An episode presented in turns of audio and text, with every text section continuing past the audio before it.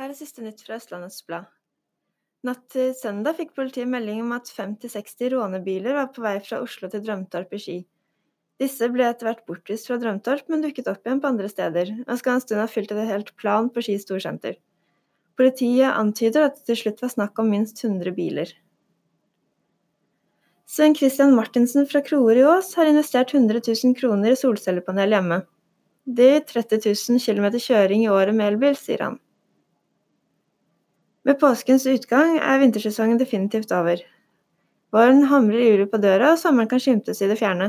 Er vel da bedre enn at bua ski fylles opp av alskens utstyr til vårens og sommerens aktiviteter?